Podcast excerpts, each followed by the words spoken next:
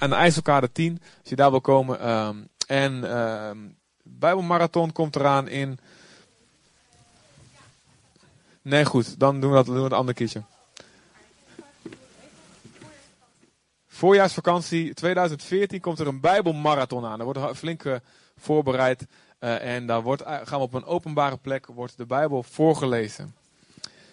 nee, weet je, schrijf het maar op, anders dan, dan schrijf het een keertje op. allemaal inschrijven. Is heel belangrijk. We hebben 300 mensen nodig. We hebben 300 mensen nodig. Dus uh, het is een marathon. We hebben, Eliane en ik hebben het op ons hart gekregen om een Bijbelmarathon te organiseren. We gaan de hele week achter elkaar de Bijbel lezen, van voor naar achter. Dus kom allemaal, schrijf je in. Het kan vanaf half november. En het zou heel tof zijn als jullie allemaal even 10 minuutjes willen lezen, of twee keer 10 minuten. Yes? Cool, heel goed. Nou, dan komt het vaker terug. Alright, uh, nou en één ding om vast te vertellen. Volgende week hebben we Wilkin van de Kamp hier uh, als uh, spreker. Misschien ken je hem van de televisie, van Vrij Zijn TV op Family 7. Tegenwoordig in Zutphen op de UPC zag ik hem, 327. Hadden wij in één keer Family 7. Ik kom nooit zo ver bij die nummers, bij dat zappen, maar in één keer zag ik hem. Zag ik in één keer Wilkin. Wilkin! Dus volgende week hier, uh, hier uh, live te zien en aan te raken en zo. Niet allemaal tegelijk. Goed joh, hey, afgelopen dinsdag een, uh, was een uh, ja, verdrietig, maar toch ook een heel mooi moment dat de begrafenis was van, uh, van Erik. Erik Bol hier gedoopt in 2008. En um, ja, goede bekende van velen van ons. En is op Horeb daar begraven.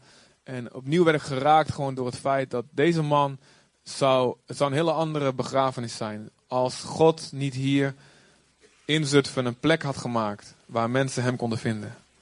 En um, ja, Erik was iemand die, uh, ja, die, die uh, goed een heel losbandig leven heeft gehad. En een zware medicijnverslaafd uh, was. Ve vele verbroken relaties achter de rug. En uiteindelijk hier in de bibliotheek, door, door ontmoeting met, met een paar van onze zusters. Gewoon door het delen van een krant. En door het aangaan van vriendschappen daarna hier in de kerk. Door het voelen van God in onze gemeente is hij tot bekering gekomen. En hij wist niet dat, hij nog vijf jaar te leven had. En dat het dus uh, in één keer afgelopen zou zijn. Op, uh, op uh, ja, vroeg in de vijftig nog dat hij was. En dus hoewel het heel verdrietig was, is het ook heel bijzonder te weten. Weet je, God gebruikt de, deze plek die misschien voor ons gewoon een, nou, is een normale plek inmiddels aan het worden. En misschien kom je al een tijdje en denk je van, nou, het is gewoon de kerk. Weet je wel? We moeten niet vergeten, dit is een bovennatuurlijke plek waarin heel veel mensen, heel veel van jullie, voor het eerst Jezus hebben gevonden. Maar ook heel veel mensen die alweer uitgewaaid zijn naar andere plekken, andere gemeentes. En ook nog heel veel die er moeten gaan komen. Heel veel Eriks die God nog op het hart heeft. Die nog buiten lopen, die nog van niks weten, die God nog vervloeken, die hun leven nog vervloeken. Maar die een plek nodig hebben waar ze Jezus kunnen vinden. En laten we dat nooit vergeten. En um, nu als we gaan geven aan de Heer, laten we niet vergeten, we geven aan dit heilige doel. We geven eraan om dat, uh, om dat te blijven zien. Dit is de reden waarom we gemeentes zijn met elkaar. Uh, het bereiken van nieuwe mensen. En ook de mensen die al bereikt zijn. Er moet nog heel veel gebeuren in ons. We moeten nog genezen worden en, en het verandert van denken en al die dingen. Dus dat komt er ook nog allemaal bij. Maar als je geeft, weet, weet je, dit is vanaf, ik, ik heilig dit geld. Ik heilig dit bedrag. Ik heilig deze overboeking. Ik heilig deze briefjes of muntjes. Ik zet ze apart. En ik geef ze aan Jezus. En in de handen van Jezus worden ze voedsel voor 5000 of, of miljoenen. Amen. Amen. Trouwens, ik, welkom, welkom terug. Annelies, ook wel goed. We gaan Annelies even staan. Is in Peru geweest. Heeft DTS gedaan. En is, uh, is hier weer terug. Nou goed, misschien uh, lezen we wat van je in het blaadje als je een keertje wat wil, uh, wil delen. Alright. Dus um, je mag naar voren komen en je, je geld heiligen voor Jezus. Amen. Amen. Kom maar. En daarna uh, komt Hanneke eventjes wat voor de kinderen meedelen.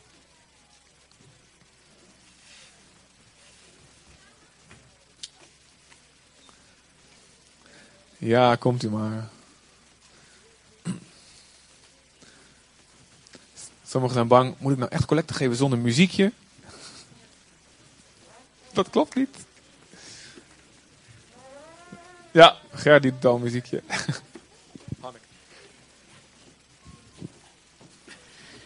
Nou, ik heb wel heel veel uh, kinderen gezien die normaal niet zo vaak hier komen, want het is vakantie. Dus uh, ze hebben ook veel gasten, hartstikke leuk. Van harte welkom. En we hebben ook een heel speciaal feest. Want Jasmin is, uh, viert haar verjaardag. Dus daar zie je Jasmin, een hele mooie roze jurk. Dus, uh, en speciaal voor haar verjaardag is er een poppenspeler gekomen. Een professionele poppenspeler. Dus dat is wel heel erg bijzonder. Dus we gaan eventjes een paar mededelingen daarover doen. De kinderen van tot drie jaar, die kunnen zo naar zaal drie gaan. Daar is een dienst voor. De kinderen van drie tot en met zeven, die mogen zo gelijk van de kinderen van vanaf drie jaar, dus van drie, vier, vijf, zes, zeven, die mogen gelijk naar de bovenzaal toe. Die mogen daar door hun ouders naartoe gebracht worden. De kinderen vanaf acht jaar, die mogen zich in de bar even bij Gilian, misschien kun je even gaan staan Gilian. Gilian even verzamelen. Die gaan ook eerst even naar het feest. En daarna gaan ze nog naar, uh, naar een andere zaal toe. Ja, mocht u nou zeggen van ik wil mijn kindje van 1, 2 of 3 niet brengen, want uh, hè, dat is onbekend dan mag u zelf ook naar de bovenzaal naar het feest gaan. Maar wel onder de begeleiding van, uh, van de eigen ouder. Dat u daarbij blijft in verband met de trap. Oké, dat was hem. Oké, nou jullie mogen gaan. Tot ziens. Leuke dienst. Waar zijn mijn muzikanten gebleven? Zijn gevlogen. Nou, dat hadden ze mis.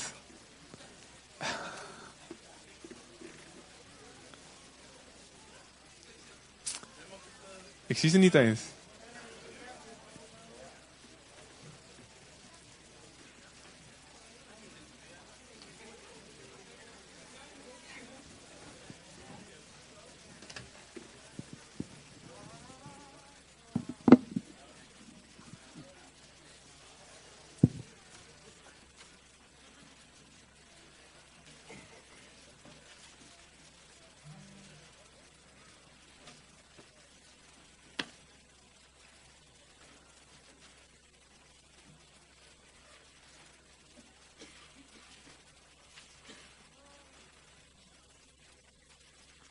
Yes, mijn muzikanten zijn gevlogen, mensen.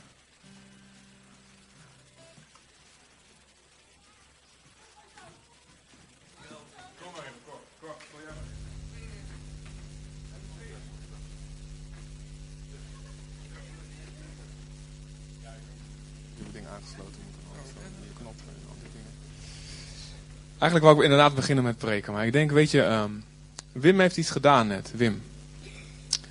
Uh, vertel even Wim, waarom heb je dat gedaan? Ja, kom even. Nou, ik kreeg het van de week in mijn hart dus om, uh, om elk waar ik mee, uh, mee, mee rondloop. Ik ben natuurlijk dagelijks naar het kruis. Maar ik denk, ik wil het ook in de gemeente. Dat gewoon mijn rotzooi, mijn vlees, mijn verlangens, mijn onmacht, mijn familie, mijn relaties. Dat ik zeg, Heer, ik geef het aan u. En ik wil het ook loslaten. Ik wil het bij hem brengen. En ik wil het ook loslaten. Dus niet meer terugnemen. Dus ik heb het nou echt bewust in de koffer meegenomen. Ik heb het bij het kruis gebracht. En ik wil het hier ook laten. En ik zeg, Heer, vul mij maar met uh, alles wat ik nodig heb. En in deze verwachting ben ik hier gekomen. Om het ook los te laten. Als een oefening voor mijn vlees. Om het niet alleen vandaag, maar ook morgen en overmorgen. Steeds als het in mijn gedachten weer komt. Die gedachte krijgsbang te maken. Naar het kruis te brengen. Ik wil vrij zijn om in zijn kracht. In zijn hoop te leven. Dat is mijn uh, verlangen en zo zal het ook gaan. Ik denk namelijk dat veel meer mensen dat moeten gaan doen vandaag. Even voor we verder gaan. Dat het goed is om, om echt letterlijk daar naartoe te gaan. En uh, we hebben net vanochtend net eventjes geen papiertjes, uh, dat die hier normaal wel liggen. Maar dat je gaat, dat je komt en dat je, dat je opschrijft. Of, of iets symbolisch eventjes. Misschien gewoon je hand zo en dan, dan leg je het er gewoon in. En dan leg je het neer bij het kruis. Dat je het echt een aantal dingen gaat neerleggen waar je mee rondloopt. Wat eigenlijk Jeroen aan het begin ook gedaan heeft. En Wim nu uitbeeldt. Voor mij is het genoeg reden om te zeggen, we moeten we eventjes wat langer, even een paar minuten langer bij stilstaan. Dus, um,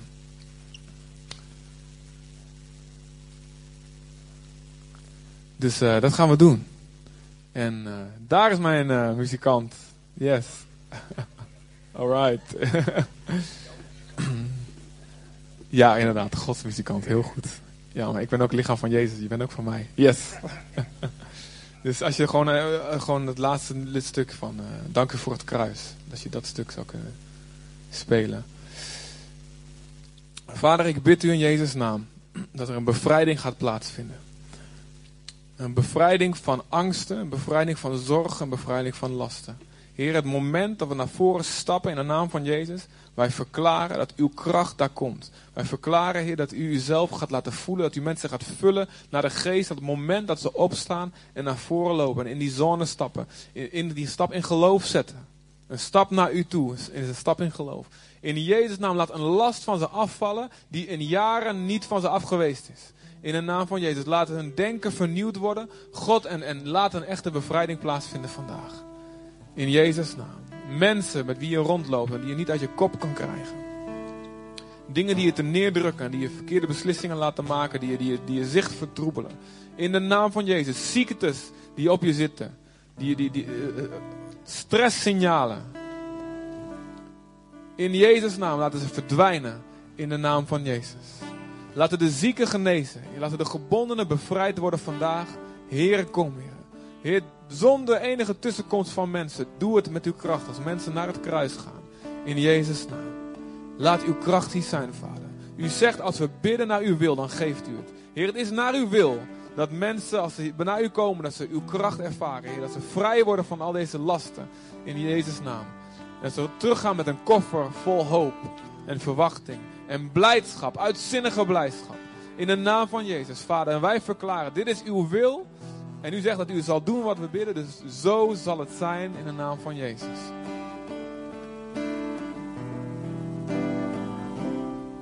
Kom maar jongens, terwijl de muziek speelt, sta op. Voorin liggen pennen en papieren, hartstikke goed. Schrijf het desnoods op, met of zonder schrijven. Maar laat iets doorbroken worden vandaag. Laat iets doorbroken worden vandaag. In Jezus' naam, in Jezus' naam. De rest van ons, als we zitten, zullen we gewoon God aanbidden. Zullen we Hem danken, zullen we Hem danken. Jezus, Jezus, Jezus, dank u Vader, dank u Vader, dank u Heer, dank u. Dank u wel Heer. U komt Heer en u breekt Heer kettingen van bezorgdheid die ons te neerdrukken, die ons denken bepalen, die ons zicht vertroebelen, die onze bron vertroebelen. Onze bron hoort zuiver te zijn, maar er komt alleen maar vervuild water uit, Heer. Kom, Heer, kom, Heer God. In Jezus' naam. Dank u,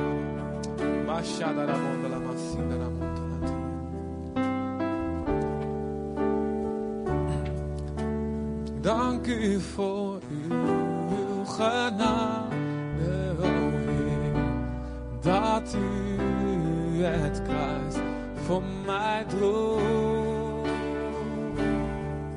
U bewijst uw genade aan mij telkens weer. Uw genade is mij. Zing het uit, ook als je in de rij staat of als je in je plek zit. Ja, ik dank u voor uw genade, oh. Jezus. Werp al je bekommernissen, werp, werp al je zorgen op Hem. Want Hij zorgt voor jou. Hij zorgt voor jou. Jezus. Gaan we met meer mensen tegelijk bij het kruis? Gaan we gewoon met z'n drieën, vieren tegelijk? Dank u, Jezus.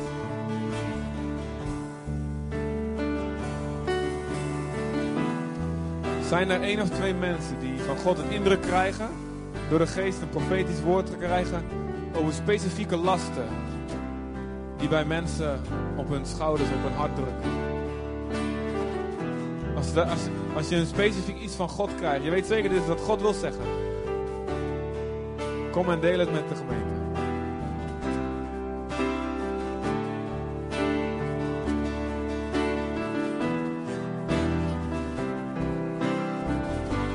Ik was net even aan het kruis met mijn zorgen. En ik voelde Gods aanwezigheid. Zijn zoon hangt daar aan het kruis voor ons. En hij sterft daar voor ons. Dank u wel.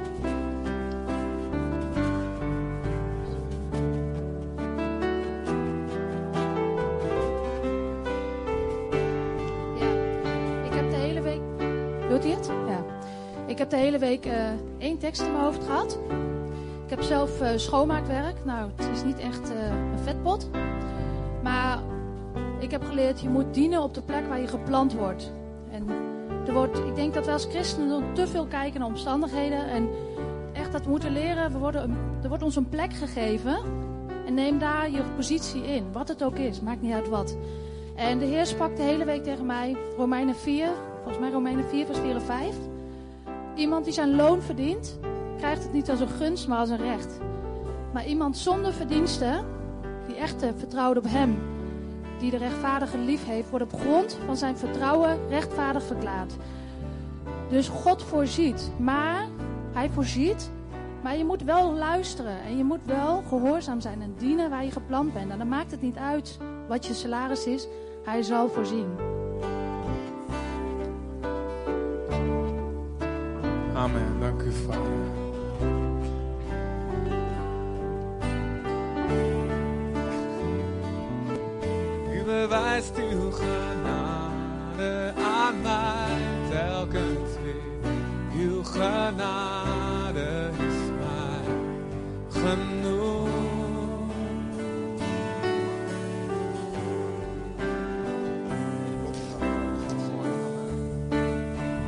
Kijk eens mensen, als je dit niet kan zien, er worden hier hele strijdblokjes gaan op. Wat mensen bij Jezus brengen. Is dat niet geweldig? Is dat niet geweldig?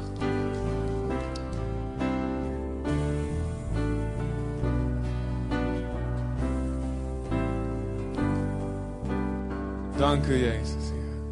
Zorgen zal ons niet afleiden van het volgen van Jezus. Zorgen zullen ons niet gijzelen. Amen.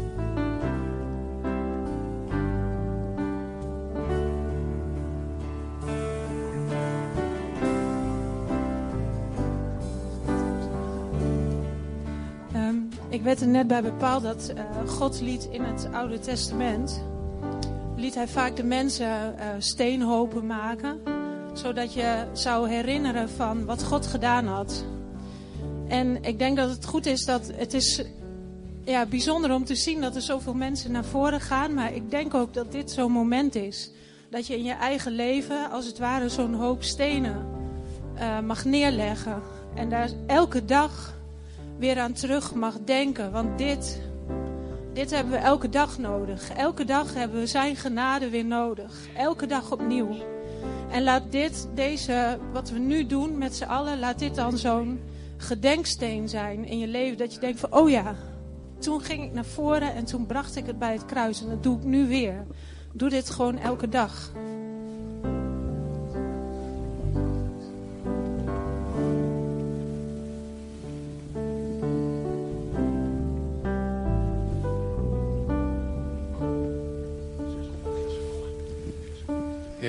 Amen.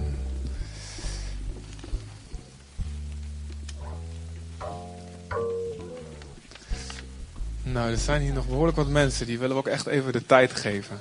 En uh, um, hoop dat we niet ongeduldig worden met z'n allen. Want dit zijn onze lichaamsdelen. Hier, die, die, uh, en we zijn blij met hun dat ze hun dingen bij de, Jezus kunnen brengen. Amen. Yes? Ja, is dat goed mensen? Is dat goed? Zullen we nog één lied dan zingen, zodat we dit... Uh, ook samen kunnen doen. Wil ik de rest van jullie vragen. Willen jullie komen en staan en dit lied zingen? Dit gaat. Um, dit gaat hierover. 606 is dat. O hart vol zorg. Wat drukt je neer? 606 is dit, Michael. Is het de last die je opneemt telkens weer? Geef hem je zorgen want hij is trouw. Want hij is trouw. Jezus zelf, hij zorgt voor jou. Jezus zelf, hij zorgt voor jou. Jezus zelf, hij zorgt voor jou. Jezus zelf, hij zorgt voor jou. Er is geen last te zwaar die hij niet dragen zal. Geef hem je zorgen want hij is. En zijn liefde niet alleen voor anderen, hij is ook voor jou. Yes. In zijn liefde ook. En prijs de grote naam. En ik prijs de grote naam. Heb je handen op en prijs zijn naam. Prijs de Heer. Hij heft mijn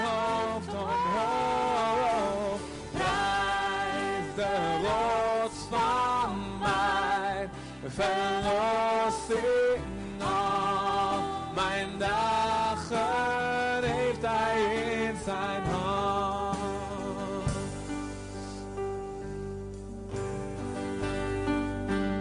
En hoe gaat het volgende couplet?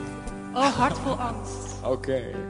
O hart vol angst, wat buigt je neer?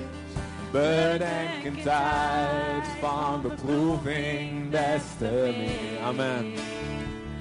Geef hem je zorgen, Want hij is trouw. Jezus zelf, Dank u Heer, u zorgt voor ons. U zal ons nooit verlaten. voor jou. Jezus zelf, hij zorgt voor jou.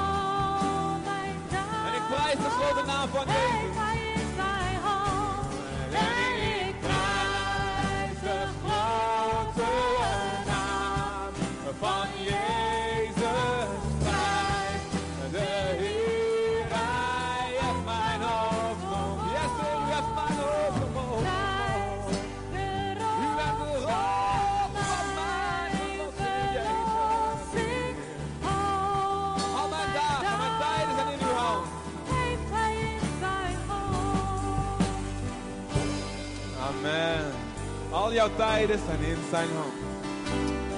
En wie bij hem blijft, zal hij nooit verlaten.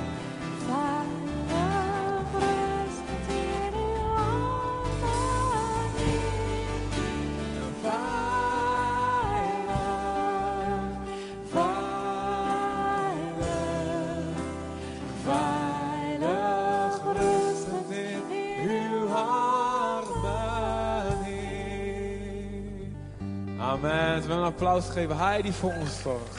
En als je voor hem klapt, moet je goed klappen. Jezus! Dank u, Heer. Dank u, God, Heer. Amen. Yes. Zo is het. Nu kan ik preken. Alright.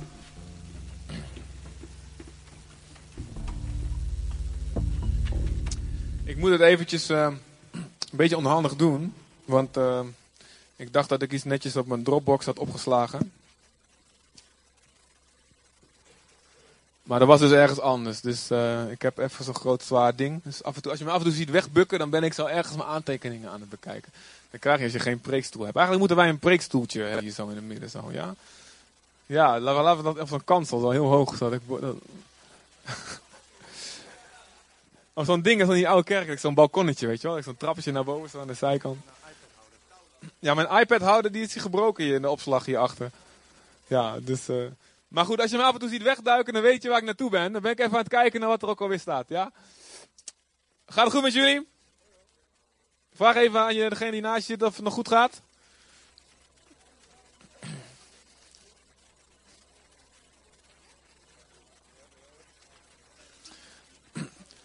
Heb je nog, hebben we nog zin in een preek of hebben we iets van, nou, volgens mij is de Heer alweer klaar vandaag.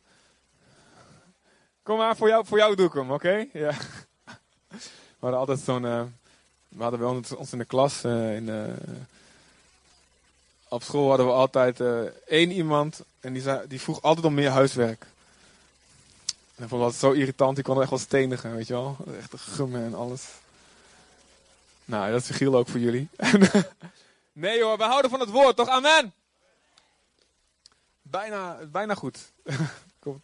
hey, dank je, Jo. Ja, dat is slim. Daar had ik niet aan gedacht. Ja, is heel slim. Helpt. Helpt, heel goed. Dan kun je ook heel goed hiervoor het teken van het beest zien, zeg maar hier.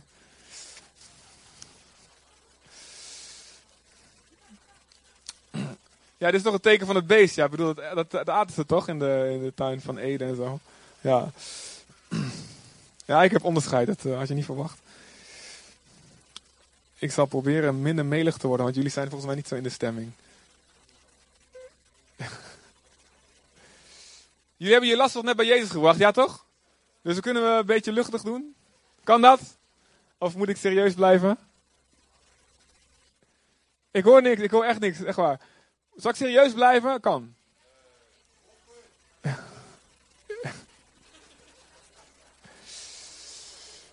Er zijn heel genoeg eh, serieuze kerken in, hier in de stad die we je kunnen aanbevelen.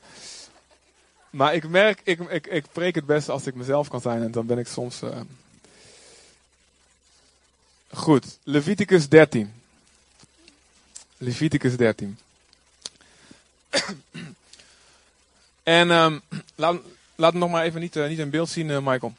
Ehm, we weten allemaal dat, ehm, bij het, dat een vroege opsporing van kanker de overlevingskans vergroot. Dus eh, vrouwen, met name vrouwen die eh, het in een familie hebben, wordt gestimuleerd, eh waarbij wie in de familie borstkanker voortkomt, wordt gestimuleerd om elke maand zichzelf te controleren of daar dingen veranderd zijn, of daar knobbels zijn gekomen, of daar afwijkingen zijn. Ehm, en ook bepaalde moedervlekken, die melanomen kunnen worden. Die, dat is goed om in de gaten te houden, om te kijken of je geen huidkanker ontwikkelt.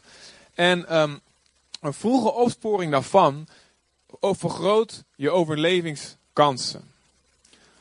En ehm, in de tijd van de Bijbel was er een ziekte, of eigenlijk was het een groep van ziektes die veel voorkwamen. En ze denken dat ze waarschijnlijk eh, in Egypte hun oorsprong hebben gehad. En waar nadat de Israëlieten in Egypte zijn geweest, ook Israël last van begon te krijgen. En die wordt onder de noemer melaatsheid, of in de nieuwe vertaling huidvraat. Maar dat vind, ik vind dat zo'n grafische naam. Zo, dan denk ik echt van die beesten die je huis al. ah. Maar goed, ehm melaatsheid of huidvraat wordt dat genoemd. En ehm, men ziet helemaal zeker welk, of dat één ziekte betreft, dat er een groep van ziekte, be- gro- groep van ziekte was eh, die aandoeningen aan de huid zijn. Maar waar in ieder geval eh, om, wat in ieder geval duidelijk is, dat het een zeer besmettelijke ziekte was. En eh, in die tijd had je niet een mooi systeem van huisartsen en specialisten waarnaar je doorverwezen kon worden en zorgverzekeringen en al die dingen. En, en heeft God, had God een aantal eh, voorschriften opgesteld voor mensen bij wie het leek of dat die melaatsheid aan het beginnen was. Zowel voor die persoon zelf als voor de hele gemeenschap, dat niet de rest besmet zou raken. En nou, voor ik verder ga, we gaan zo even kijken naar een aantal wetten. ehm, hoe een priester, de zonen van Aaron, en de mensen van de stam van, dus de, de nakomeling van Aaron, hoe die om moesten gaan met als er iemand een klein beginnend wit plekje op zijn huid had. eh, wat ze daarmee moesten gaan doen. En ik wil van tevoren al zeggen dat een een symbool is voor de zonde in ons leven. Dus dan hebben jullie alvast de sleutel om dit stuk goed te begrijpen. Want je denkt van ja goed, hartstikke leuk, maar wat hebben wij aan deze hygiënische voorschriften? Weet je, God verspilt geen ruimte in zijn boek. Elk stuk, ook in het Oude Testament, wijst naar Jezus en wijst ook naar hoe wij Jezus kunnen navolgen. En ook deze vage voorschriften over hoe moet je omgaan met melaatsheid spreekt over principes van het koninkrijk waar we vandaag de dag nog wat aan hebben. Het is belangrijk dat je dat geloof hebt, anders dan kom je naar het woord en dan je, dan wordt het is een droge bende voor je en denk van nou, dat is niks voor mij. Maar het is goed om voor elk stuk in de Bijbel geloof te hebben, God spreekt hier doorheen, tot mij vandaag. Ik heb hier wat aan. Is het niet vandaag, dan als ik dit nu tot lezen tot me neem en ik over vijf jaar, pling, kom ik in een situatie, dan spreekt God, weet je nog wat je toen gelezen hebt, nu is het van toepassing. Het geldt voor wat je leest zelf, het geldt voor wat je in je twaalf of, of op, op de leefschool meekrijgt of hier op een zondag. Gods woord doet zijn werk en keert niet leeg terug. En ook dit stuk over melaatsheid. Ehm, en is het belangrijk ook te weten dat ze kregen hier wel voorschriften hoe ze melaatsheid of zonde moesten herkennen, maar ze kregen niet de oplossingen bij. En wij hebben, ik vertel meteen de clue van het hele verhaal al, wij hebben wel de oplossing gekregen, namelijk Jezus, God die mens wordt en die ons door bekering en geloof een nieuw hart geeft en zijn geest geeft. Waardoor we voor het eerst in de geschiedenis de genezing hebben voor de dodelijke ziekte. De dodelijke ziekte melaatsheid, namelijk de zonde in ons leven. Dus zij hadden de, wisten hoe ze de diagnose moesten stellen. En wij hebben ook de genezing beschikbaar. Amen. Yes. Oké, we gaan het lezen. Leviticus 13, vers 1. Uh, vanaf vers 1. De Heer zei tegen Mozes en Aaron, Mozes en Aaron, als iemand een zwelling, een uitslag of een lichte plek op zijn huid heeft, die aan huidvraat of melaatsheid doet denken, dan moet hij naar de priester worden gebracht. Naar Aaron of een van diens nakomelingen, die de aandoening moet bekijken. Let op, er is dus een twijfel. Het doet eraan denken. Maar er moet dus een diagnose gesteld worden. Het lijkt erop, we denken eraan. Maar weet je, we moeten dus naar de plek die God aangewezen heeft. En als de priester dan vaststelt dat het haar op de aangetaste plek wit geworden is en de plek diep in de huid ligt, is het huidvraat, melaatsheid. En moet de priester die persoon in kwestie meteen onrein verklaren. Als de huid een lichte witte plek vertoont die niet diep in de huid ligt en het haar niet wit geworden is, dan moet de priester de betreffende persoon zeven dagen afzonderen. Dus een soort quarantaine, zoals we dat zouden noemen. Op de zevende dag onderzoekt de priester hem opnieuw. Als blijkt dat de plek zich niet heeft uitgebreid en de huid niet verder is aangetast, moet hij hem opnieuw zeven dagen afzonderen. Daar gaat trouwens mijn ongeweldige lieve zoon. Ik ben helemaal door hem afgeleid. En eh, wat leuk was, net toen eh, Jeroen zei van, eh, nou geef eh, al je lasten maar aan, aan Jezus in het begin. En voel je maar veilig om, om dat te doen. Toen liet hij echt een hele dikke scheet op. Daarom lagen wij heel erg in een deuk. Van, hij voelt zich veilig in het huis van God. Ik ben totaal afgeleid. Het slaat helemaal nergens op. Maar dat vind ik gewoon leuk. Dus. Dus let op. De priester. Nee, jullie hoeven niet allemaal je niet ook veilig te gaan voelen op dit moment. Ja, er zijn grenzen. Geur van Christus uh, in die hoek, als je weet wat dat. Heer. Sommige mensen moet je gewoon geen, uh, geen vinger geven, want anders dan komt de hele hand en andere lichaamsdelen mee. Ja, goed. Bidden voor Carlino. En voor Arena met name, die naast hem ligt elke nacht. Um, dit staat hier allemaal niet. Um. Zeven dagen later onderzoekt de priester hem nogmaals. En als de plek dof geworden is en zich niet heeft uitgebreid, moet hij hem rein verklaren. Het is dan gewone uitslag. De persoon in kwestie moet zijn kleren wassen en is dan weer rein. Maar als hij na onderzoek door de priester rein verklaard is en de plek zich later toch uitbreidt, moet hij zich opnieuw aan de priester laten zien. Als de priester vaststelt dat de plek zich inderdaad heeft uitgebreid, moet hij hem onrein verklaren. Dan is het melaatsheid, huidvraat. Maar dit gaat zo nog even verder. Er zijn verschillende um, aanleidingen waardoor die melaatsheid binnen kan komen. Bijvoorbeeld melaatsheid kon komen in een brandwond.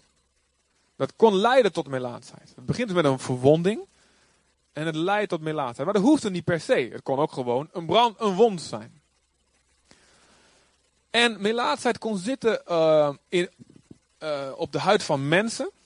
Maar het kon ook zitten op voorwerpen. Uh, manden of bepaalde meubels of bepaalde kledingstukken. Het kon zitten op mensen, het kon zitten op voorwerpen. En het kan ook zitten op huizen.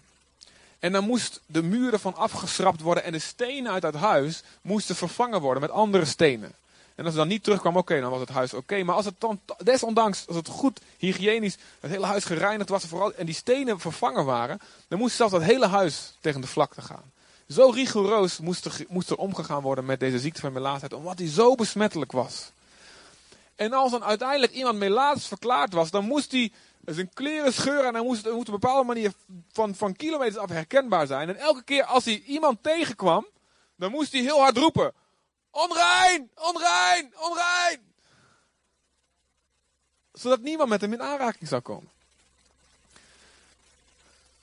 Nou. Petrus zegt, 1 Petrus zegt. Wij zijn een koninklijk priesterschap. Amen. En ik heb je, en dat is waarom elke keer tegen zeg, zeg tegen je buurman dit en dat, want dan hou je het goed. Ik heb een tijdje terug gezegd, zeg tegen je buurman, hey, priester, weet je nog? Wie was daarbij? Als je gehoorzaamd hebt, dan weet je het nog. Dan heb je het nog gezegd. Wij zijn priesters.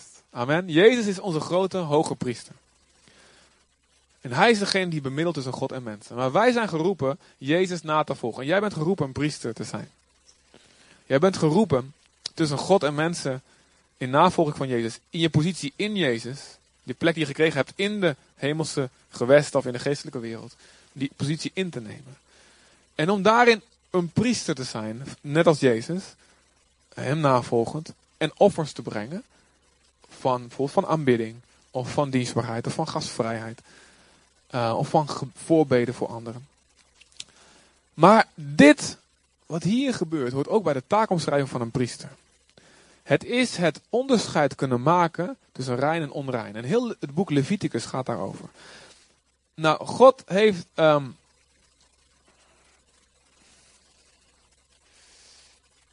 God wil dat wij weten waar we naar moeten kijken. En dit gaat eigenlijk over ons onderscheidingsvermogen. En God wil dat we dat ontwikkelen. In Hebreeën, Hebreeën 5 of 6, eh, denk het begin van hoofdstuk 6, daar staat dat volwassen christenen, volwassen gelovigen, dat zijn mensen die door het gebruik van hun geestelijke zintuigen hebben leer, geleerd onderscheid te maken tussen goed en kwaad, rein en onrein. En dan niet op de menselijke manier, want de, de mensen zonder God die hebben ook een manier. En dat komt van de boom van kennis en goed en kwaad. Dat is zonder God een beetje gaan uitvogelen wat goed en kwaad is. En dat brengt altijd de dood voort. Maar als je eet van de boom van het leven, als je een relatie met Jezus hebt, door die relatie leert God je van binnen aan. Hé, hey, dit is goed en dit is fout. In je eigen leven, ook in het leven van mensen om ons heen. En in voorwerpen en in huizen. Dus dingen die ons leven binnenkomen. Mensen die ons leven binnenkomen. Dingen die ons leven zijn. En plekken waar we gaan. En God wil dat we daar onderscheid in hebben. Nou zijn hier heel veel fouten die we hierin kunnen maken. En die we ook allemaal voortdurend maken. En ehm,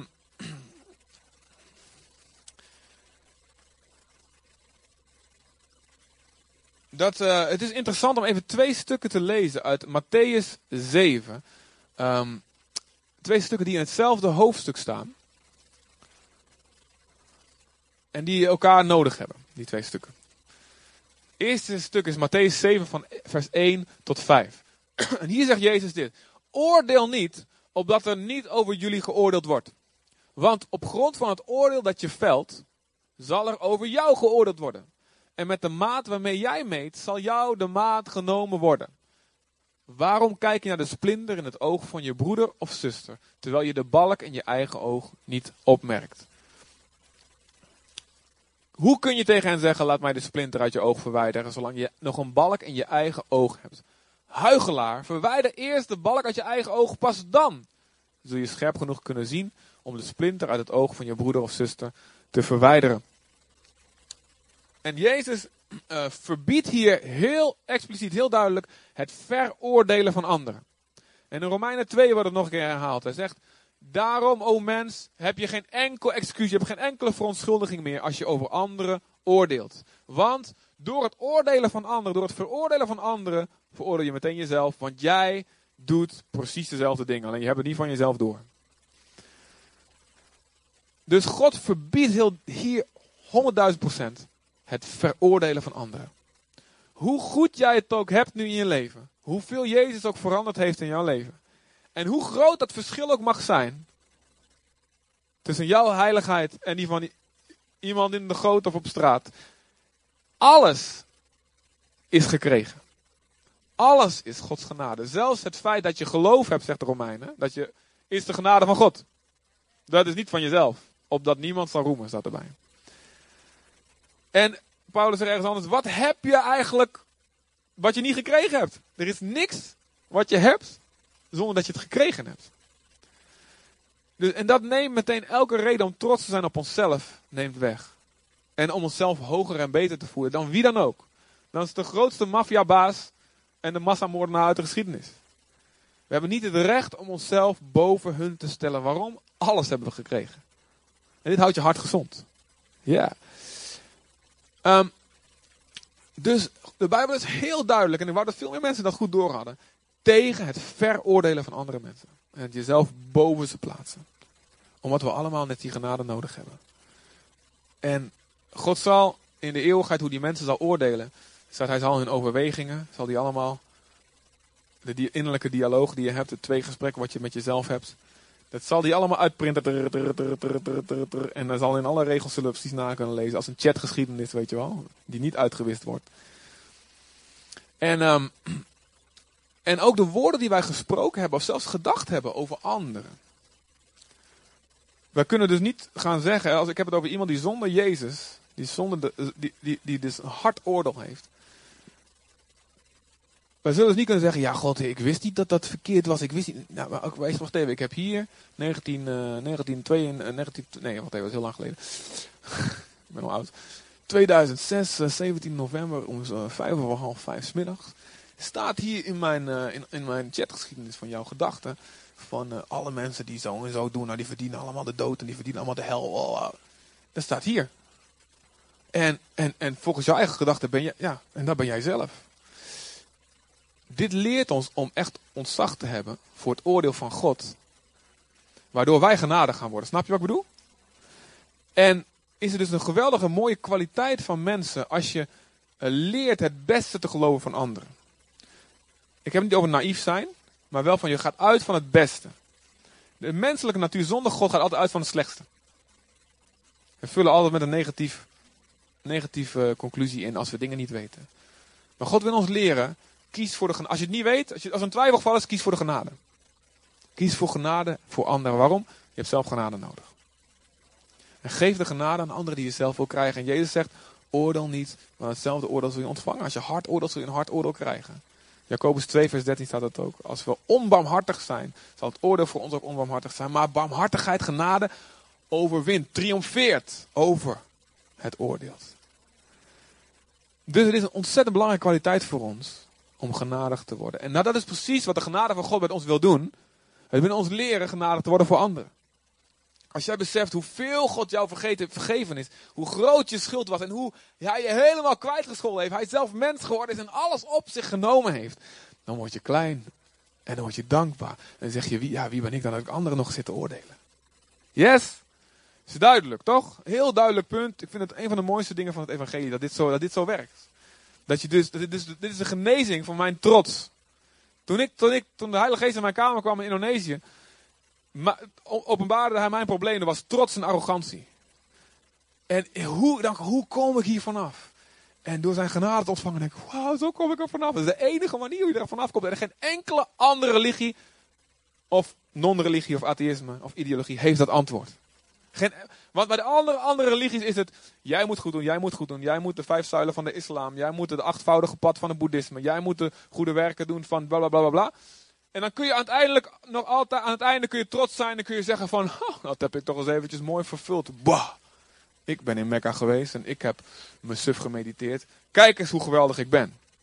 En je verheft jezelf over anderen. Ach, die arme sloebers, die zijn nog niet verlicht. En die zijn nog niet, die zijn nog niet een, een, een, een bedevaartganger. En ik mag in het wit kleden en ik ben... Wow. En je verheft jezelf. En je vervuilt al die mooie goede daden die je doet, vervuil je met je trots. En dat is geen rechtvaardigheid voor God. En het kruis van Jezus leert ons nederigheid. Echte nederigheid.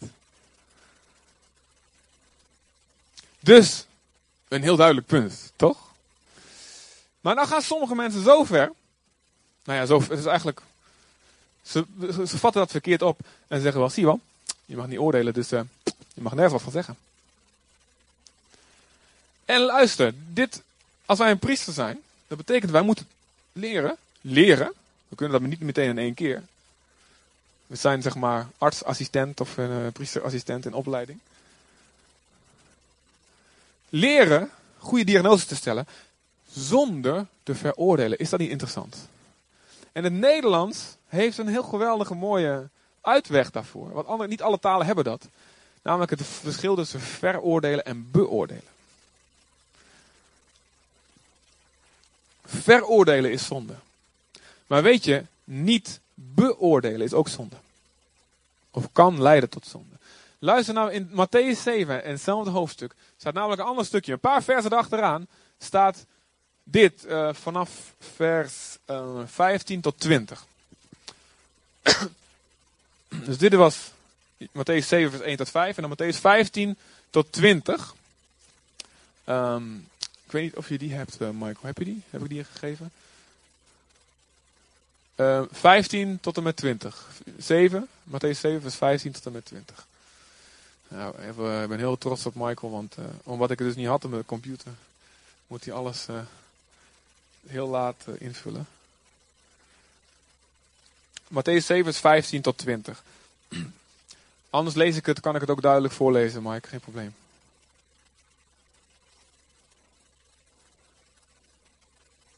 Yes. Pas op voor valse profeten die in schaapskleren op jullie afkomen, maar eigenlijk roofzuchtige wolven zijn. Aan hun vruchten zul je hen herkennen. Men plukt toch geen druiven van doornstruiken of vijgen van distels. En zo draagt elke goede boom goede vruchten. Maar een slechte boom draagt slechte vruchten. Een goede boom kan geen slechte vruchten dragen. Evenmin als een slechte boom goede vruchten dragen kan. Elke boom die geen goede vruchten draagt, wordt omgehakt en in het vuur geworpen. Zo kunnen jullie hen dus aan hun vruchten herkennen. Hetzelfde hoofdstuk, zegt God. Veroordeel niet. Nou, laat ik het anders zeggen. Hetzelfde, hoofdstuk zegt Jezus. Oordeel niet en oordeel wel. Snap je? Oordeel niet in de zin van verhef je niet boven anderen. Maar beoordelen moet. Als je het niet doet, word je gepakt. Niet zomaar iedereen op een mooie blauwe ogen geloven. Of mooi zelfs een mooie bruine ogen niet. Nou ja, goed. Mij mag je wel helemaal geloven.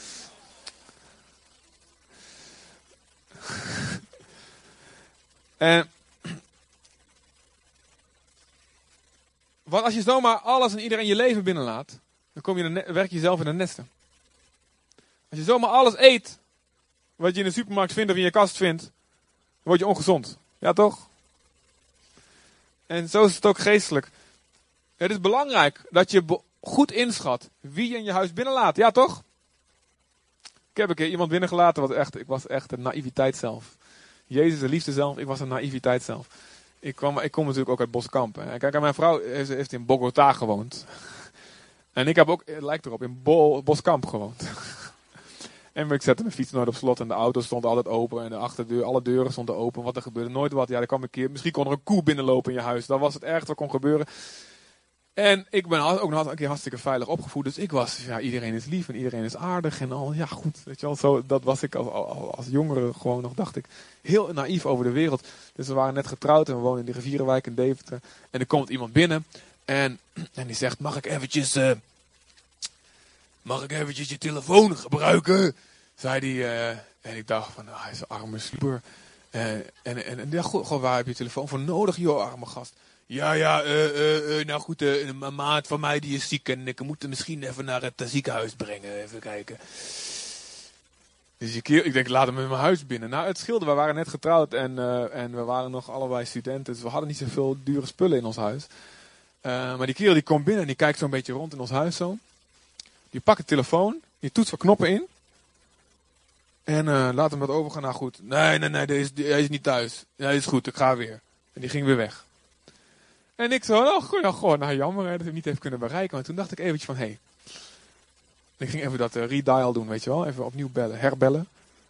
Eh, een heel, heel, va- heel vaag nummer, klopt helemaal niks van.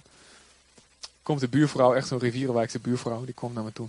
Zeg, je hebt die gast toch niet in je huis gelaten? En, eh, dat is eh, een, of andere, een of andere inbreker. En hij loopt alle huizen loopt hij langs. En dan dacht, dacht ik, inderdaad man. Ik zag hem al. Ik dacht, waarom zit hij zo te kijken naar wat ik in mijn huis heb? Nou, gelukkig had ik helemaal niks nog op dat moment. Maar anders had ik zo'n mes op mijn keel gehad. En had hij de boel eh, meegenomen. Dus, wie laat je je huis binnen? heb ik toen geleerd. Dus ik vraag op nu, eh, als je mijn huis binnenkomt, dan eh, weet je dat, ik- ja, ja, jij, li- jij lijkt wel op Ricky. Maar misschien heb je gewoon zijn lichaam gestolen. En ben je een alien die zijn huid aangetrokken. Je snapt wat ik bedoel. Dus, Nou, is natuurlijk uniek. Die kan niet gekopieerd worden, gekloond worden. Maar je snapt wat je bedoelt. Je moet uitkijken wie je huis binnenlaat. Dus, en als je op een gegeven moment dat niet doet, dan ben je gewoon dom bezig. En, is, het, is het schadelijk voor jezelf. En dit is wat een priester dus moet leren. Een priester moet leren onderscheid te maken tussen rein en onrein.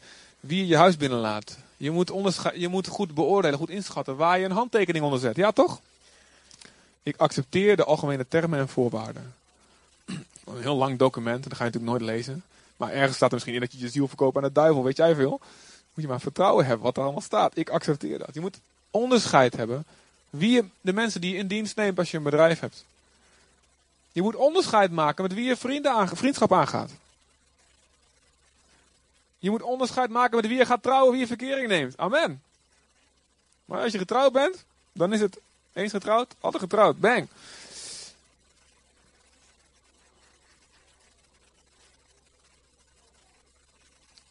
Dus onderscheid is belangrijk. En je ziet hier, ehm, in dit stuk zie je wat een priester moet doen. Als er twijfelgeval is in jouw leven, misschien een voorwerp, waarvan je denkt, is dit rein, is dit onrein? Misschien een huis, een plek waar je naartoe gaat, waar je deel van uitmaakt. Of een persoon, of misschien iets op je eigen, op je eigen hand, op je eigen lichaam.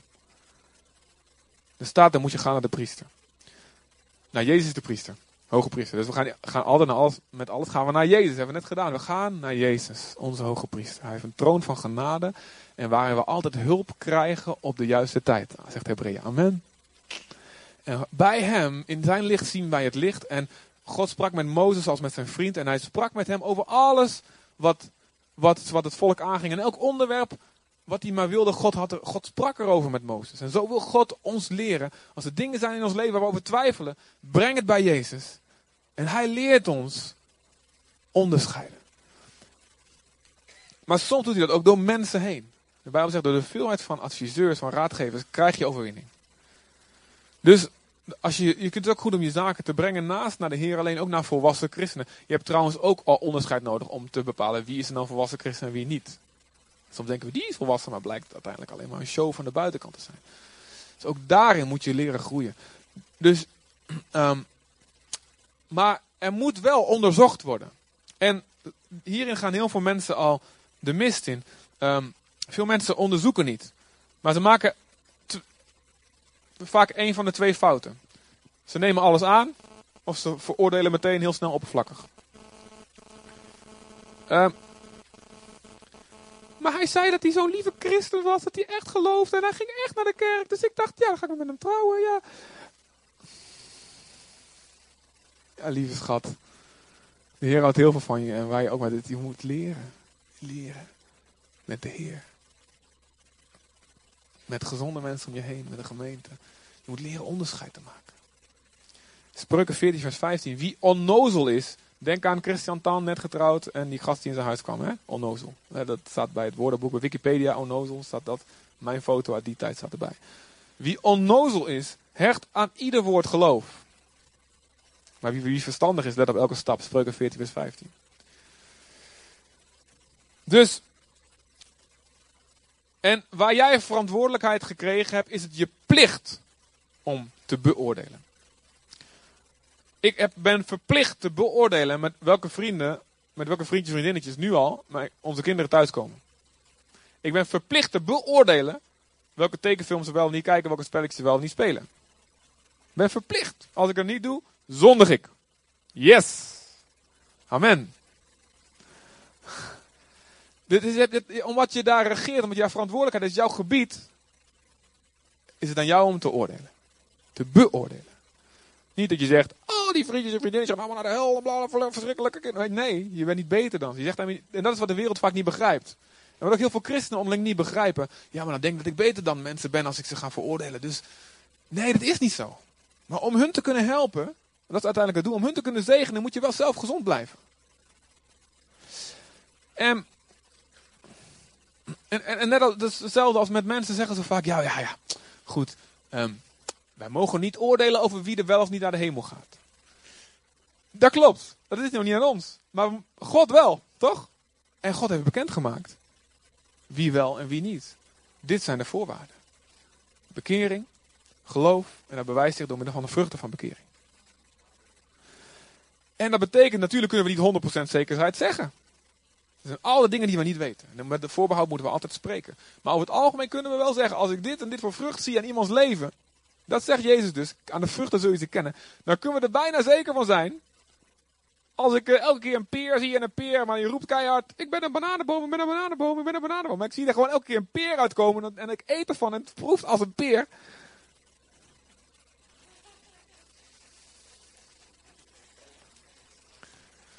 Ja, dit is, is, ja, een peer met identiteit. Wat? Ja. Je snapt wat ik bedoel. Jezus is ook simpel. Ik ben ook simpel. Amen. Heel simpel. Dus iemand kan zeggen, ik ben een christen, ik ben een christen, ik ben een christen. Maar als je uit zijn, uit zijn boom groeit alleen maar laster en bitterheid en haat en egoïsme en onverschilligheid. Johannes zegt, joh, wie zegt dat je hem navolgt, die moet lief hebben. En anders dan, ja, dan bedrieg je jezelf. De 1 Johannes, een heerlijk, heerlijke zwart-wit brief. Als je af wil van je, van je grijze gebied, zeg maar, moet je gewoon 1 Johannes lezen. Echt helemaal zo. Als je niet dit, dan ben je dat. Dan... Dus aan de vrucht herken je de boom.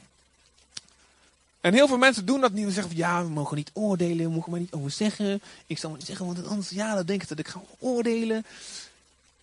Maar het bindt ons en het zorgt dat we geen onderscheid hebben, dat we ongezond raken.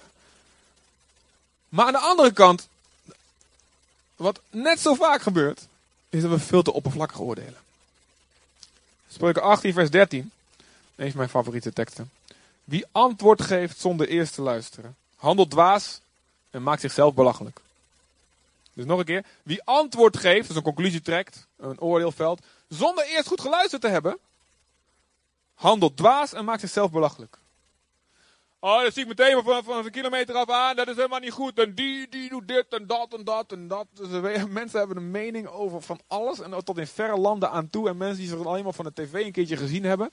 En het is meteen, of ze horen van een situatie. En ze horen maar één kant van het verhaal. En dan nog maar een half ook. Maar je bent altijd onrechtvaardig. Het is, het is, on, het is 100% bijna zeker. Eigenlijk, bijna, eigenlijk 100% bijna, dat kan niet. Je kunt eigenlijk, het is een garantie om onrechtvaardige dingen te zeggen. Als je maar één kant van het verhaal gehoord hebt. Ik heb nog nooit meegemaakt dat, dat als ik eerst één kant van het verhaal gehoord heb. En dan denk ik van binnen, als ik niet oplet, dan denk ik van binnen allemaal. Dan heb ik allemaal conclusies, conclusies voor mezelf al getrokken. En gelukkig spreek ik dan niet te veel uit. Dat leer je dan, niet te veel te spreken. En dan, en dan kom je de andere, hoor je de andere kant van het verhaal en denk je, oh, is het toch een beetje anders. Dus we moeten leren daar niet te oppervlakkig in te zijn. En ehm, niet, ook niet ons te bemoeien met dingen die ons niet aangaan. Dat is een heel mooi Grieks woord wat eh, in eh, 1 Petrus gebruikt. Laat niemand van jullie leiden als een bemoeial, zegt Petrus. En het woord is in het Grieks de allotri episkopos. Zeg allemaal met me mee. Allotri episkopos. Nou, episkopos komt van het woord, eh, daar komt het woord bisschop vandaan. Piskopos, hè. Komt, het bisschop komt daar vandaan. Dus een opziener. Iemand die zichzelf een opziener gemaakt heeft, betekent dat van iets wat helemaal niet van hem is. Ken je dat mensen die bij je thuis komen? En die dan van, nou, eh, ik zou het helemaal anders doen. Goh, die afwas, die moet je anders organiseren. En dit en dat. Zo, weet je wel, ken je dat? En dan hebben ze iets van, eh, weet je, weet je wel, ik cup je meteen eruit. Echt waar, wat doe je? En ik kan ook plat. Ik kan tongen spreken. En dat is niet de bedoeling. Als wij helemaal geen verantwoordelijkheid hebben in, over een bepaald gebied, dan moeten we ons sowieso, weet je, weet je dat oordeel is niet aan mij, dat is aan diegene die daarover gesteld is. Ik weet dat niet. Ik, ik bid daarvoor. Als ik het zie, als ik twijfel heb, ik bid daarvoor. Maar ik ben niet de priester in dit geval die, moet, die een diagnose moet gaan zitten maken. En zo kunnen we ook heel oppervlakkig kijken naar mensen om ons heen. We kunnen kijken naar de buitenkant. We zien tatoeages, we zien oorbellen, we zien bepaalde kleren. We zien misschien een heel grof gebekt iemand. En we hebben ons oordeel meteen klaar. En natuurlijk, het uiterlijk zegt wel iets. Maar het zegt zeker niet alles. En we zien een bepaalde houding. En we denken meteen, "Tch, dat zit zo en zo in elkaar. Dat is zonde, dat is bla bla bla. Afgelopen vrijdagavond gesproken in eh, mijn oude jeugdgroep in Deventer. En eh, geweldig om daar te zijn altijd. En, ehm, en eh, ze waren allemaal gekomen met verwachting. Ik had gezegd, nodig maar iedereen uit, weet je wel. We gaan een geweldige avond hebben. En er zat, eh, zat eh, redelijk vol ook. En, ehm, en tijdens het zingen, het zit in mijn oude kerk, ook in de rivierenwijk in Deventer. en ehm dus een, een, dat, een prachtwijk volgens mij heet dat tegenwoordig. En, ehm, en tijdens het zingen, een van laatste liedjes, wordt er op het raam geklopt. Door drie meisjes, ding, ding, ding. Helemaal giechelend staan ze aan de andere kant van het raam. En zeggen ze, "Ah, wat, wat, mooi, wat zou je laten zingen? Maar een beetje, het lijkt, eh, aan alle sides van, nou, dat zijn meiden van die meiden de boel belachelijk gaan zitten maken, weet je wel. Die, die zien dan van die brave christelijke jongeren zo, eh, met zo'n boekje zingen. En, en oh, zou jullie dat zingen? En toen, eh, en, en ik had meteen zoiets, ik zei, kom maar binnen, kom maar erbij. Roep, probeer dat raam te roepen. Dus we kijken een beetje met elkaar en zo van, een soort actie van, oké, hebben we het lef, gaan we doen, gaan we doen. En dan komen ze, kwamen ze binnen, kwamen ze erbij zitten. Echt de hele dienst verstoord, echt hartstikke. Nou, ik vond het hartstikke geweldig. Komt de evangelist aan die wordt hartstikke wakker natuurlijk. En, ehm, en eh, tijdens de, de zingen de hele tijd doorheen praten, iedereen voelde zich ongemakkelijk natuurlijk. En dan gingen ze ook nog met een filmen met een camera. Mag ik filmen? Iedereen zo van, mag niet op YouTube, een heel verhaal. Maar ik, ik, ik, ik, kijk naar die leider van die avond. Hij kijkt naar mij, wat moet doen? Ik zeg, is goed, weet je wat, doe maar. Laat het maar erbij. En dan mag ik een verzoeknummer, maar dit liedje vind ik mooi. Dus wij dat liedje zingen, weet je wel, speciaal een beetje aanpassen. En de hele tijd tussendoor praten en kletsen. En nou, dat was de tijd voor mij om te preken. Dus ehm, ik wist, nou, die, ze waren toch al de hele tijd on- aan het onderbreken. Dus ik liet ze onderbreken. En eh, ben ik er gewoon op hun vragen ingegaan. En hebben we gewoon een heleboel omgegooid. En hebben we alleen hun, die vragen van die drie meiden beantwoord. Zitten daar 20, 25 jongeren zitten, zaten mee te luisteren. En ehm, ze, iedereen heeft de avond van zijn leven gehad, echt waar. Maar die meiden hadden een houding. Uitdagend. ehm, belachelijk makend. En ehm, gewoon spottend. En als je niet, als je oppervlakkig oordeelt, heb je zoiets van, stuur die meiden eruit. Ik heb hier een avond met, met, met jongeren, die zijn tenminste wel hongerig. Die zitten alleen maar te lachen. Die zitten alleen maar belachelijk te maken. Maar ik, ik zag er doorheen, deze meiden zijn hongerig naar God. En na echt een kwartier, twintig minuten alleen maar van die flauwe dingen, komt het naar boven. De ene zegt, weet je, ja, mijn zus is, is een paar maanden geleden overleden met 18 jaar. En ik weet niet meer waar, ik weet niet wel of ik in God kan geloven. En de ander zei, ik ging, vroeger ging ik naar deze kerk. En toen gebeurde dat en dat en dan gaan we niet meer. En ze zaten hem allemaal. En in één keer werd het een heel serieus geloofsgesprek. Aan het einde van de avond, ehm, een van de meiden die daar zat, eh, eh, jonge eh, vrouwen, die bleek een overboervrouw te zijn. Ze hebben een Bijbel meegekregen, ze hebben een opwekkingsboekje, hadden ze ook meegekregen. En nog steeds wel een beetje lacherig en grappig maken. Maar ze hadden allemaal een soort ontmoeting met God gehad. We hebben met ze gebeden. Ik, heb ze ook echt uitgedaagd. Ik zei, nou ja, voor je weggaat, oké. ja, wel moet ik ergens een sigaretje roken?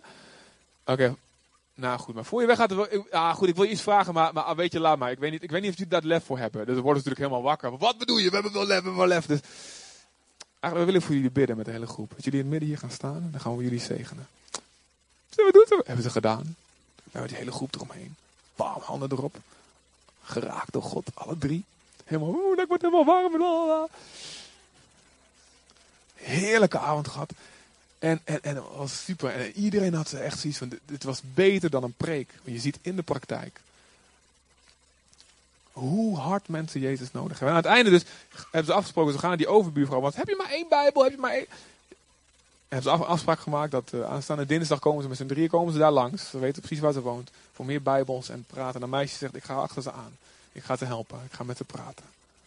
Je weet niet wat eruit komt. Maar weet je, als je oppervlakkig oordeelt, boven kennis en goed en kwaad, dan denk je, er wordt nooit wat. Stuur ze eruit. Maar als, je, als je leert, gewoon, Heer, wat moet ik doen? Je bent in die verbinding met God, die zegt je wat je moet doen.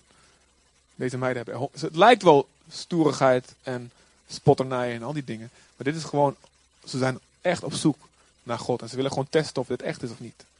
En ze hebben gewoon het recht om dat te doen ook. God wil ons leren onderscheid te hebben. Dus je ziet hier, waar ze naar moeten kijken in Leviticus 13, dan zie je, als de priester ziet, dat, die, dat de priester vaststelt, in vers 3, dat het haar op de aangetaste plek wit geworden is. En de plek diep in de huid ligt, dan kun je meteen weten, is mijn laatsheid. Dus er zijn dus sommige dingen, je ziet het haar, wat eruit groeit, is ook wit. Daar staat voor wat uit die plek groeit, als wel de vrucht van die plek. Wat er groeit op die plek. Als je meteen ziet, die vruchten zijn verkeerd. En je ziet ook, dit is niet iets oppervlakkigs. Sommige dingen kun je zien, dit is echt diep.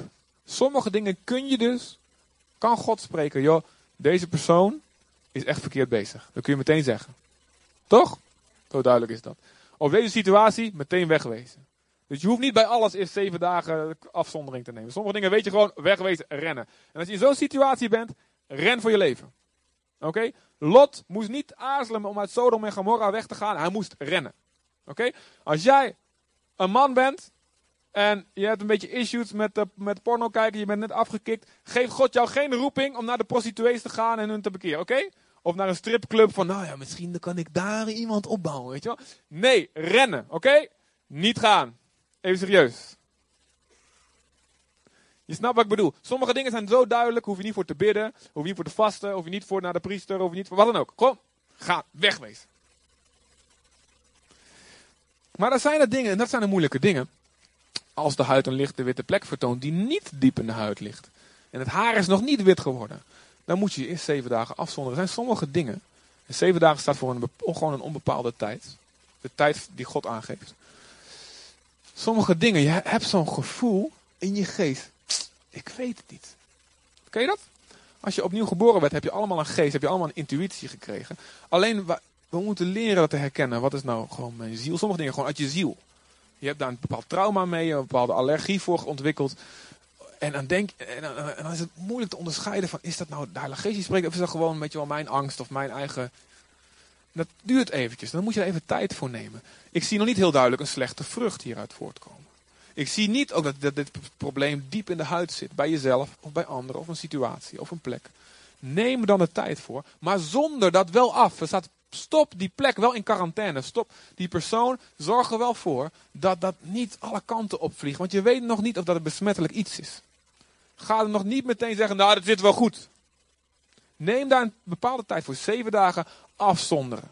Dus plaats de twijfelgeval in quarantaine. En weet je, zonder dat jullie dat weten, doen wij dat heel vaak als leiderschap van een gemeente of samen met wat twaalf leiders. Weet je, deze en deze persoon die nou nieuw binnengekomen is, we weten het niet, weet je. En ergens zo'n gevoel. En dan plaatsen we geestelijk plaatsen we dat in quarantaine. Zetten we niet in het infoblaadje natuurlijk, maar dat doen we in gebed. Op Facebook zetten we wel nee doe dat in gebed.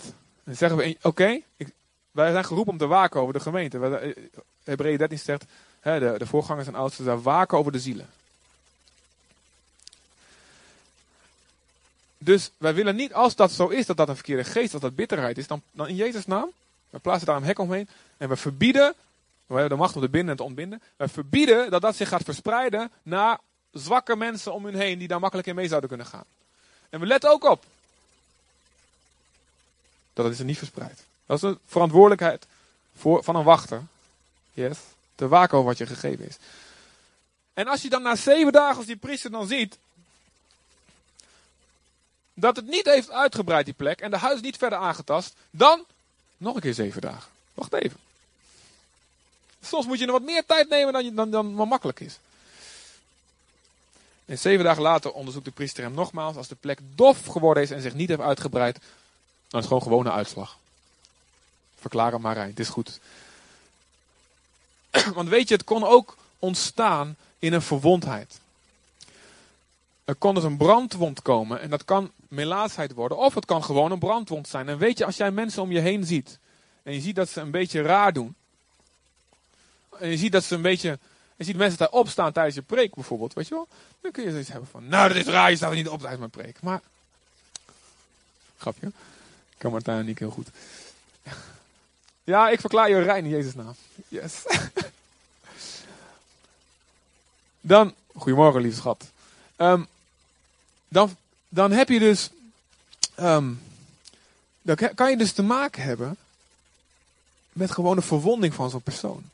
En dan moet je leren daar genade voor te hebben. Weet je, als iemand een beetje fel reageert, als je een bepaald woord zegt, een bepaalde opmerking maakt, dan kun je meteen zo iemand zitten veroordelen van, nou, waarom reageer je zo fel? Je mag niet boos zijn, je mag niet... Maar je kunt ook zeggen, weet je, je kunt zo iemand meteen onrein verklaren, maar dat is niet goed. Je moet eens kijken, misschien is dit een verwonding. Misschien is dit gewoon... En ga dan onderzoeken, ga met zo'n persoon praten. Joh, hey, ik merkte dat wat ik je zei, dat, het, dat je een beetje, dat, dat, dat, deed wat met je, hè.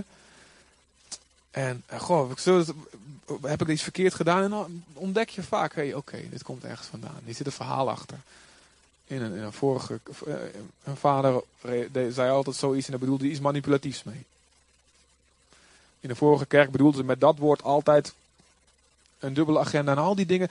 Mensen zijn, kunnen verwond daardoor raken. Joh, ik heb al een keer eerder iemand vertrouwd en mijn geheimen verteld. En dat gaat me, en is helemaal de hele wereld overgegaan. En die heeft me later een steek in de rug gegeven. Dat doe ik dus nooit meer. Dat is niet iemand die je onrein moet gaan verklaren. Wat een zondaar. Dat is iemand die verwond is. En die, waarvan God wil dat je die gaat genezen. En Jezus in jou is krachtig genoeg om dat te genezen. Weet je, de wet kon de diagnose stellen, maar niet de oplossing bieden. Jezus brengt en de diagnose en de oplossing. Hij raakte Melaatse aan. Iedereen moest bij ze uit de buurt blijven. Maar hij staat, hij raakte hen aan en zei, ik wil het. Word rein. En in plaats van dat hij besmet werd door hun onreinheid, besmette zijn zuiverheid, besmette die mensen en ze werden helemaal genezen. En Jezus in ons. Let op, verbonden zijn aan hem. Niet uit je eigen houtje, uit je vlees. Verbonden zijn aan hem. Verspreidt zuiverheid en reinheid. Verspreidt dat. En God wil dat we volwassen hierin worden. God wil dat we volwassen hierin worden. En leren goed te onderscheiden.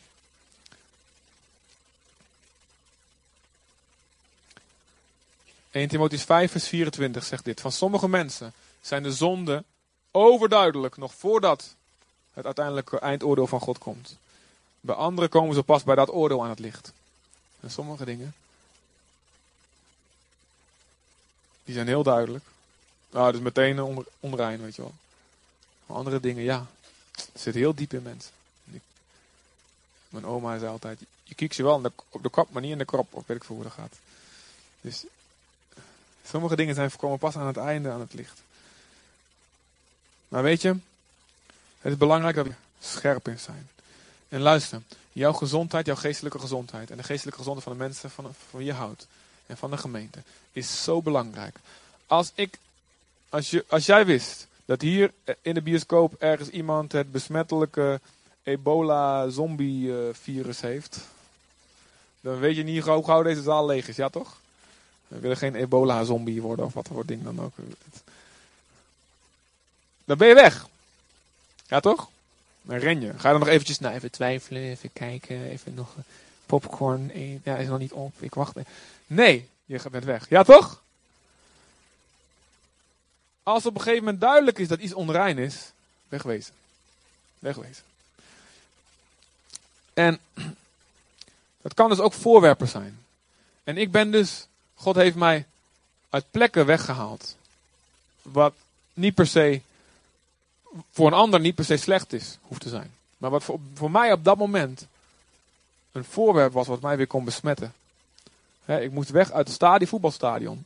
Het is geen slechte plek. Zeker niet nu Go het zo goed doet en ongeslagen is in de Adelaarshorst het hele seizoen. Amen.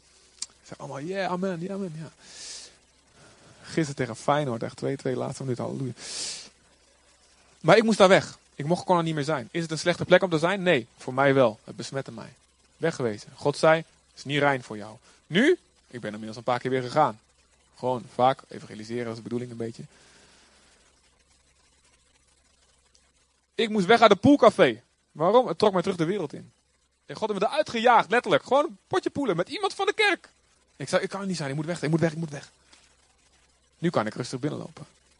Op dat moment mijn weerstand was niet groot genoeg. Ik ken mensen die, God heeft gezegd, je moet stoppen met cola drinken, je redt van je leven. Sommige mensen moeten stoppen met reclame kijken. Waarom? Ze worden gepakt door hebzucht. Alleen door reclame, reclame kijken. Maar Hebreeën 12 vers 15 zegt bijvoorbeeld, zijn wat serieuzere dingen. Er zijn dus momenten dat je echt moet afzonderen. Niet alleen zeven dagen tijdelijk in quarantaine plaatsen, maar echt definitief moet zeggen, dit is onrein. Hebreeën 12 vers 15 staat dat bitterheid veel mensen besmet en overal verwarring veroorzaakt. Dus wat gebeurt? Zorg ervoor dat niemand zich de genade van God laat ontgaan. En dat er geen giftige kiem opschiet die onrust veroorzaakt en met zijn bitterheid velen besmet. Dat betekent zorg ervoor, let erop, dan moeten we dus ook op elkaar letten. Als je van iemand houdt en je ziet dat hij meer laatst aan het worden is. Dan van, ja, ik moet maar niet oordelen. Ja, ja, ja, ja. Voor je het weet, die gast helemaal dood. Ja, toch? Niet cool. Niet liefde. Nee, en zo is het geestelijk ook. Als je iemand ziet die bitter is, je houdt van ze. zeg je, hé, hey, weet je wel, ik zie er gewoon. Ik weet dat ik niet, En, en verzeker ze altijd dat je, ze niet, dat je niet boven ze stelt. Dat is niet cool. Hey, weet je, het, kan, het kan mij ook gebeuren. Het is mij ook overkomen toen en toen. Maar ik zie het nou, om eerlijk in jouw woorden hoor ik gewoon dat je nog gewoon, je zegt wel dat je vergeven hebt, maar ik zie nog steeds heel veel bitterheid hierin zitten. Zullen we naar de priester gaan? Zullen we naar Jezus gaan? Snap je? Dat is liefde. En laster, lasterende woorden glijden af naar de schuilhoeken van je hart. Dat zijn plekken waar je weg moet blijven. Ga niet om met een heet hoofd. Heet hoofd, zegt de Bijbel. Voel allemaal even aan je hoofd. Is het heet? Voel even bij je buurman. Heeft hij een heet hoofd? Voel eventjes, even serieus. Heeft hij een heet hoofd? Als hij een heet hoofd heeft, ga niet om met een heet hoofd. Voel je een heet hoofd? Zeg even, ik ga even niet om met jou, eh, je weet het hè. Voel je een heet hoofd dan bij je buurman? Ga niet om met een heet hoofd, opdat je niet aan zijn wegen wendt. Opdat je niet aan zijn wegen wendt. En het gaat overnemen, zegt Gods woord. En daarom spreekt de Bijbel heel duidelijk over het proces ook van gemeentetucht. Dat we dat in liefde moeten doen. En soms dus uiteindelijk als laatste stap, helaas, mensen ook uit de, uit de gemeente moeten plaatsen. 1 Korinthe 5 zegt, we moeten de mensen niet oordelen die in de wereld zijn, maar wie in onze eigen kring zijn, die moeten we wel beoordelen. Niet veroordelen, maar moeten we beoordelen. Waarom? Besmettingsgevaar, mensen. Maar, ik wil ze helpen en wie gaat ze anders helpen? Ik heb een tekst voor jou. Judas. Judas 22 en 23. Ik weet niet of je dat op het scherm kan krijgen, eh, Michael. Dat heb ik hem niet gegeven, dus misschien doet het even. Judas. Judas. Is dat ook een bijbelboek? Ja, het ene laatste bijbelboek is Judas.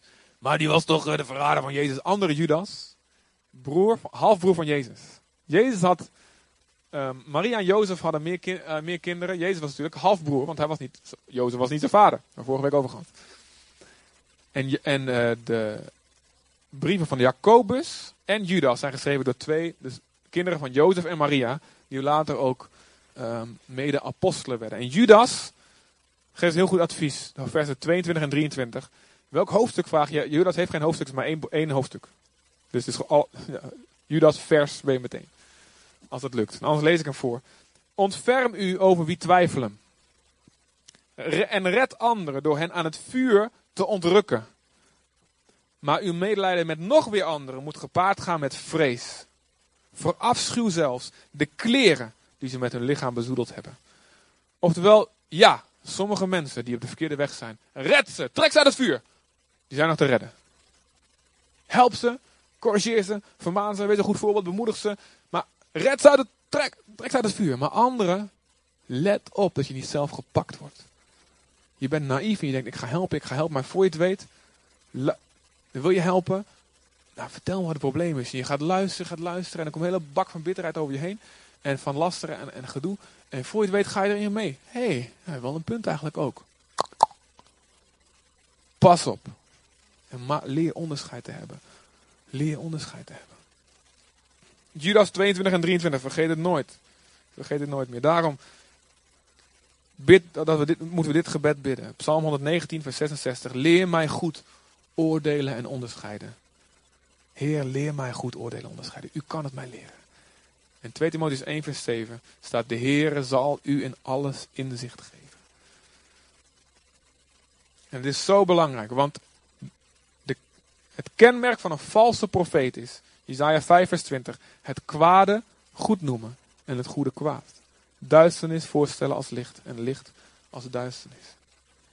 Wij moeten leren dingen te noemen zoals God ze noemt. Door een verbinding met God is het mogelijk een goede priester te worden. Te leren onderscheiden. Mensen, leerlingen, let op mensen. Niet zomaar alles geloven wat er rondgaat in de christelijke wereld aan doctrines en leringen. Leer het onderscheiden. Situaties, voorwerpen, plekken waar je naartoe gaat. Mensen in de wereld, mensen in de kerk. Helaas moet dat. De duivel zegt dat het onkruid, God, eh, God zegt dat de duivel het onkruid zaait. Tussen het koor. We moeten leren onderscheiden. En wat er dan gebeurt, dan krijg je een veilige gemeente. Jeroen begon er ook al over in het begin. Een veilige gemeente is een plek waar niet veroordeeld wordt. Waar je weet, als je een fout maakt, je maakt een blunder. Maar je hebt een hart gericht op God. Dan is het niet erg. En er is genade. Yes, ja toch? Is belangrijk.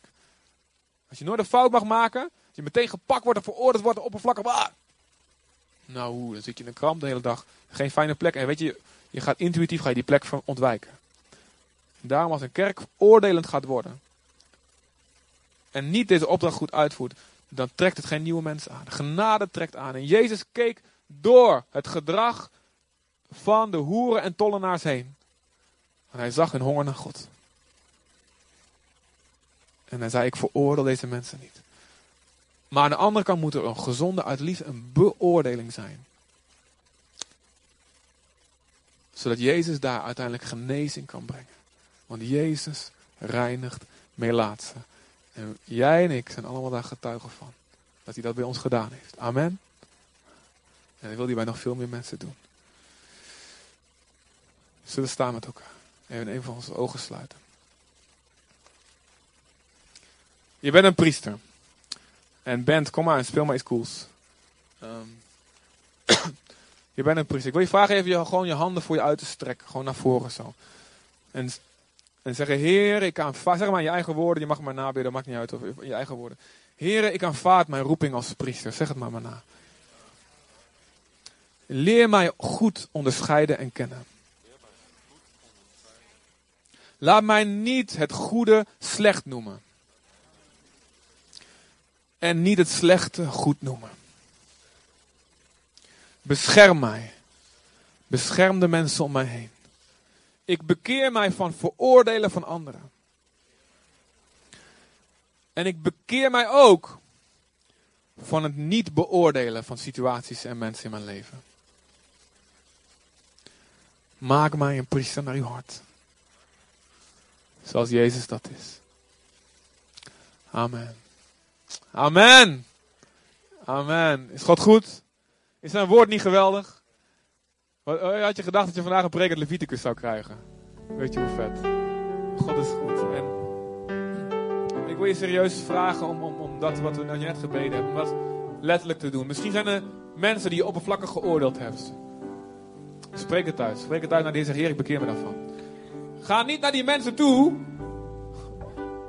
waarover je alleen in gedachten geoordeeld hebt. Oké, dat daar val je alleen mee lastig. De, maar als je, het wel, als je het wel uitgesproken hebt, dan is het wel goed om naar die mensen toe te gaan. Moet je echt doen.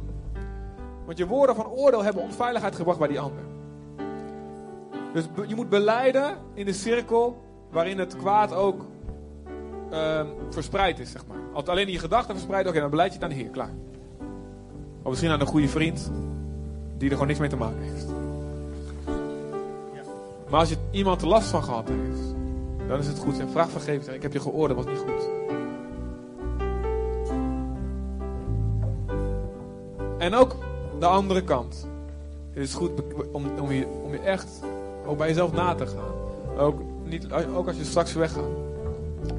Heer, zijn er, zijn er, heb ik niet gewaakt over wat u me gegeven heeft door gewoon alles maar binnen te laten. Misschien moet ik een aantal dingen, een aantal mensen zelf, afstand van nemen. Omdat ik gewoon besmet raak. Ik heb dingen niet in quarantaine geplaatst. En het is, weet je, je eeuwige ziel is alles waard. En weet je, ook de mensen die God wil dat je gaat bereiken. Het is God alles waard. Misschien moet je een aantal dingen gaan afzonderen uit je, in je leven. Waarvan anderen zeggen dat het zo overdreven doen normaal. Dat is toch niet, dat kan toch onschuldig. Maar jij weet van binnen, maar dit besmet mij. Dit voorwerp besmet mij. Dit, naar deze- deze plek gaan, dit huis besmet mij. Amen.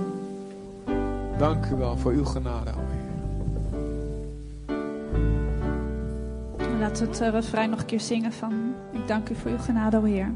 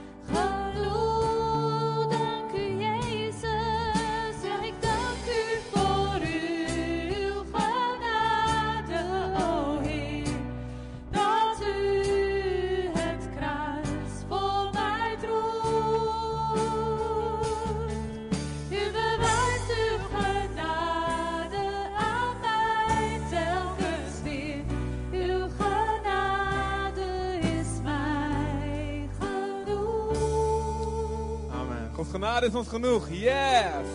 Yes, dank u Heer. We prijzen u. U bent goed, Heer. O Heer, laat ons, Heer, de komende week, Vader, weer vol zijn van u in Jezus' naam. Heer, u bent geweldig. Dank u dat we mogen genieten van uw woord, van uw goedheid, onze lasten bij u mochten brengen. U mochten aanbidden. Heer, en mochten groeien, Vader, in uw woord, God, in uw waarheid, Heer. En vervuld raken met uw geest.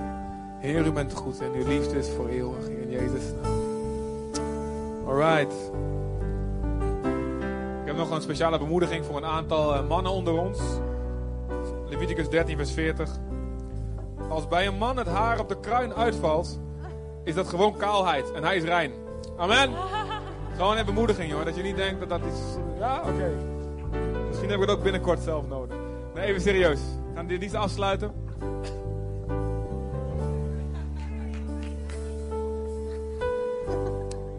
Jullie met mij willen staan.